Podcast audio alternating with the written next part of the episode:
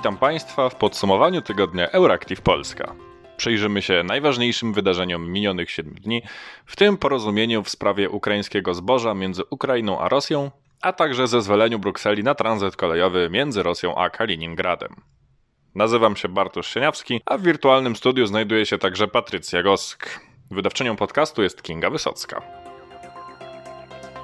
Z okazji Światowego Dnia Ludności ONZ wydało raport, w którym poinformowało, że już tej jesieni, w okolicach 15 listopada, ludzkość osiągnie liczbę 8 miliardów.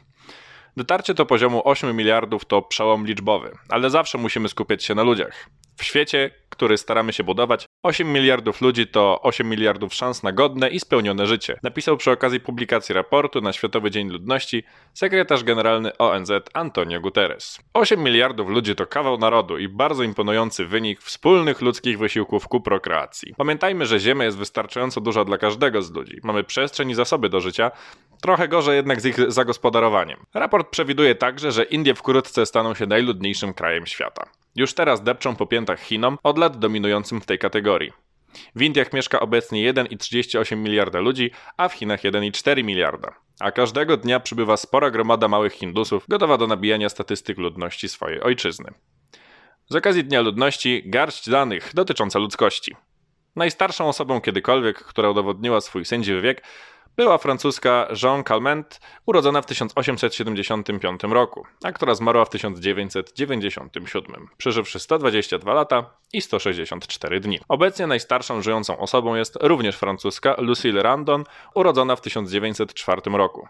Drugie miejsce zajmuje Polka Tekla Juniewicz, urodzona w 1906 roku. Mediana wieku ludności wynosi obecnie 31 lat. W 1950 roku wynosiła 24. Najbardziej zaludnionym państwem na świecie są Chiny, a najmniej Watykan, liczący sobie nieco ponad 800 obywateli.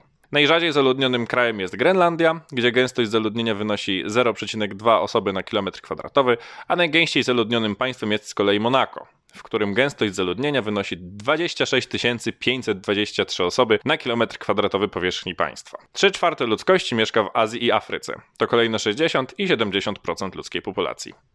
Przewiduje się, że do 2050 roku aż 1,2 miliarda ludzi może stać się migrantami klimatycznymi, czyli osobami, które zmuszone były opuścić swoje domy i państwa w związku z nasilającymi się negatywnymi efektami katastrofy klimatycznej a 1 czwarta mieszkańców świata to dzieci poniżej 15 roku życia. Wojna w Ukrainie zagraża światowym dostawom zboża. Mieliśmy w ostatnim czasie już kryzys gospodarczy, pandemię, katastrofę klimatyczną na karku, więc klęski głodu już nie potrzebujemy. W związku z czym delegacje Rosji, Ukrainy i Turcji spotkały się w Stambule, aby porozmawiać na temat transportu zboża przez Morze Czarne. Ukraińcy w ostatnim czasie odbili Rosjanom słynną wyspę Węży na Morzu Czarnym, co umożliwiło im transport zboża przez porty rzeczne na Dunaju, którym dzięki kilku kanałom można dopłynąć do Renu, a nim dalej w Europę. Jednak ukraińskie zboże trafia głównie do Afryki, więc wysyłanie go na północ Europy znacznie wydłużyłoby czas dostaw. Rząd w Kijowie szacuje, że w jego silosach zablokowanych jest około 20 milionów ton zboża, a kraje Afryki i Azji wezwały ONZ do znalezienia rozwiązania problemu, aby uniknąć kryzysu żywnościowego, gdyż Ukraina jest jednym z ich głównych dostawców zboża. Potrzebna jest więc droga przez zablokowane przez rosyjską flotę Morze Czarne. Rozmowy między Ukrainą a Rosją mediuje Turcja, a nadzoruje ONZ. Rozmowy chyba przyniosły jakieś efekty. W środę sekretarz generalny ONZ Antonio Guterres wyjawił dziennikarzom: Zrobiliśmy przełomowy krok naprzód, żeby wznowić eksport ukraińskiego zboża przez Morze Czarne. Turecki minister obrony Hulusi Akar wyjaśnił, że wstępne porozumienie, jakie udało się osiągnąć w Stambule, zakłada utworzenie centrum koordynacji, które zagwarantuje zabezpieczenie szlaków transportu zboża. Strony porozumienia zgodziły się wspólnie patrolować zatoki i kontrolować zboże, a formalna umowa zostanie podpisana w przyszłym tygodniu, gdy delegacje spotkają się ponownie. Dziś w wiadomościach pojawia się wiele odniesień do spotkania w Turcji w sprawie odblokowania eksportu rolnego z naszego kraju przez Morze Czarne. Rzeczywiście podejmujemy duże wysiłki, aby przywrócić dostawy żywności na rynek światowy. Jestem wdzięczny Organizacji Narodów Zjednoczonych i Turcji za ich starania, powiedział w przemówieniu prezydent Ukrainy Wołodymyr Zełeński. WHO nie pozostawia złudzeń. Obserwowany od kilku tygodni wzrost liczby zakażonych koronawirusem jest doskonałym dowodem tego, że pandemia COVID-19 się jeszcze nie skończyła, choć została przyćmiona innymi wydarzeniami na świecie, a obostrzenia sanitarne w większości zostały zniesione. W ciągu ostatnich dwóch tygodni liczba zakażonych koronawirusem na świecie zwiększyła się o 1 trzecią. Obecnie dominujący wariant koronawirusa wywołuje inne objawy niż oryginalny, stary, dobry SARS-CoV-2, z którym do czynienia mieliśmy na początku 2020 roku. Subwarianty wariantu Omikron, BA4 i BA5 szybko się rozprzestrzeniają i łatwo zakażają ludzi, jednak dają bardziej grypopodobne objawy i rzadko atakują płuca. Ludzie najczęściej uznają zakażenie za zwykłe przeziębienie i przechorowują je w domu. Najwięcej nowych zakażeń pojawiło się w Europie, zwłaszcza w Niemczech, Włoszech i w Wielkiej Brytanii. W Polsce każdego dnia zakaża się obecnie 2000 osób. Ministerstwo Zdrowia zapowiedziało, że do obostrzeń sanitarnych zaczniemy wracać, jeśli w szpitalach w całym kraju znajdzie się 5000 zakażonych COVID-em osób. Obecnie jeszcze daleko do tego poziomu, ponieważ nowe subwarianty rzadziej powodują konieczność hospitalizacji pacjenta. Szef WHO Tedros Adhanom Ghebreyesus zaapelował jednak do rządów, aby nie czekały aż sytuacja się pogorszy i już teraz zaczęły zapobiegać rozprzestrzenianiu się siódmej fali pandemii w Europie. Powodu rosnących cen paliw i energii, rząd Węgier ogłosił w kraju stan zagrożenia energetycznego. Jak wyjaśniono, ma to pozwolić na działania interwencyjne na rynku gazu i energii elektrycznej. O wprowadzeniu stanu zagrożenia energetycznego poinformował szef kancelarii premiera Viktora Orbana, Giergieli Guliasz. Wyjaśnił, że w ten sposób rząd chce nie tylko poprawić sytuację gospodarstw domowych, ale także zrobić zapasy surowców energetycznych przed sezonem jesienno-zimowym. Z jednej strony więc wydane na mocy nowych przepisów rozporządzenia mają zamrozić ceny gazu i energii elektrycznej dla gospodarstw domowych ale tylko do poziomu średniego zużycia, czyli 210 kWh prądu i 144 m3 gazu na miesiąc dla jednego gospodarstwa domowego. Powyżej tych poziomów obowiązywać będą standardowe ceny, ale z jednym wyjątkiem, który obejmie rodziny wielodzietne, a więc posiadające co najmniej czworo potomstwa. Dla nich obowiązywać będą dodatkowe limity zużycia gazu i energii elektrycznej. Ogłoszony 13 lipca stan zagrożenia energetycznego na Węgrzech ma dać państwu możliwość zrobienia przed jesienią i zimą zapasów surowców energetycznych. Zwiększone ma zostać wydobycie gazu ziemnego i węgla brunatnego w krajowych kopalniach, a także zawarto nowe kontrakty na zakup gazu za granicą. Nie podano jeszcze z jakich kierunków ma popłynąć na Węgry więcej gazu. Obecnie niemal cały ten surowiec dociera z Rosji, a jedynie niewielka część sprowadzana jest przez Gazport w Chorwacji z innych krajów.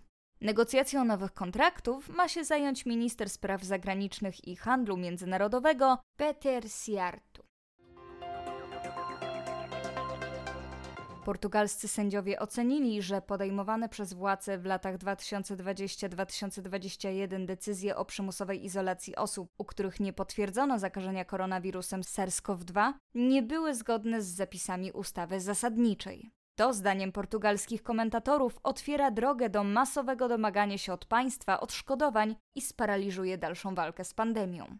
Rozpatrując skargę na pandemiczne przepisy, portugalski Trybunał Konstytucyjny uznał, że nie było podstaw w konstytucji, aby zarządzić masowe izolowanie społeczne ludzi poprzez ograniczanie im możliwości wychodzenia z domu w czasie pandemicznych szczytów zakażeń w latach 2020-2021 poprzez nałożenie kwarantanny na wszystkich obywateli, a nie tylko tych, u których potwierdzono infekcję koronawirusem SARS-CoV-2, Portugalskie władze, zdaniem sędziów Trybunału Konstytucyjnego w Lizbonie, miały de facto zastosować masowy areszt domowy. Za sprawą przymusowej izolacji społecznej naruszone zostało konstytucyjne prawo do swobody przemieszczania się, głosi orzeczenie. Z drugiej strony komentatorzy wskazują, że nastąpiło podważenie całej polityki sanitarnej państwa i to w obliczu kolejnego wzrostu liczby zakażeń koronawirusem, która widoczna jest już w części krajów Europy Południowej i Zachodniej. Europejska Agencja Leków nazwała tę związaną z rozprzestrzenianiem się wysoko zakaźnych subwariantów sytuację siódmą falą pandemii. Pojawia się więc obawa, że w obliczu orzeczenia Trybunału Konstytucyjnego władze Portugalii powstrzymają się przed przywracaniem przeciwepidemicznych obostrzeń, nawet jeśli okazałyby się konieczne z punktu widzenia sanitarnego bezpieczeństwa państwa. O to, aby państwa europejskie rozważyły powrót choćby częściowych obostrzeń, zaapelowała już Światowa Organizacja Zdrowia. Komisja Europejska zezwoliła na transport kolejowy między Rosją i jej eksklawą obwodem kaliningradzkim. Zmianę tę krytykuje Litwa, przez której terytorium odbywa się tranzyt. Wilno argumentuje, że w efekcie decyzji Komisji Europejskiej Kreml uzna, iż presja przynosi efekty i będzie ją tylko zwiększać. Komisja Europejska przedstawiła 13 lipca zaktualizowane wytyczne dotyczące tranzytu do obwodu kaliningradzkiego towarów objętych unijnymi sankcjami. Nowe zasady przewidują objęcie zakazem jedynie tranzytu drogowego, natomiast tranzytu kolejowego już nie. Komisja zobowiązuje jednak państwo członkowskie Unii Europejskiej, czyli w tym przypadku Litwę, chociaż komunikat Komisji tego nie precyzuje, do ścisłej kontroli przewożonych przez jego terytorium towarów. Litwa musi zezwolić Moskwie na wwiezienie towarów objętych sankcjami, z wyjątkiem broni, technologii objętej sankcjami wojskowymi i towarami podwójnego zastosowania. Wstrzymany będzie tranzyt drogowy, między innymi dla stali i cementu, ale zakaz nie będzie obejmował transportu kolejowego. Wolumen towarów nie powinien przekraczać średniej z trzech minionych lat, ale powinien odzwierciedlać realne potrzeby eksklawy. Ponadto tranzyt powinien znajdować się pod ciągłą obserwacją pod kątem nietypowych wzrostów lub pojawienia się schematów, które mogłyby być używane do obchodzenia sankcji. Pod ścisłym zakazem pozostaje także wszelki tranzyt towarów i technologii o podwójnym zastosowaniu.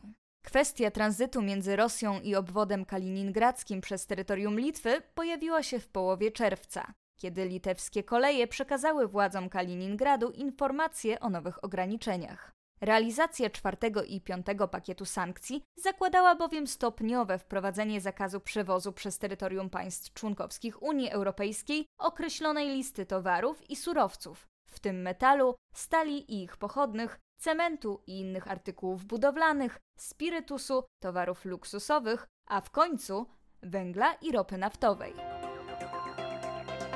To już wszystko w dzisiejszym podsumowaniu tygodnia Euractiv Polska. W imieniu całej redakcji życzę Państwu udanego weekendu. Do usłyszenia.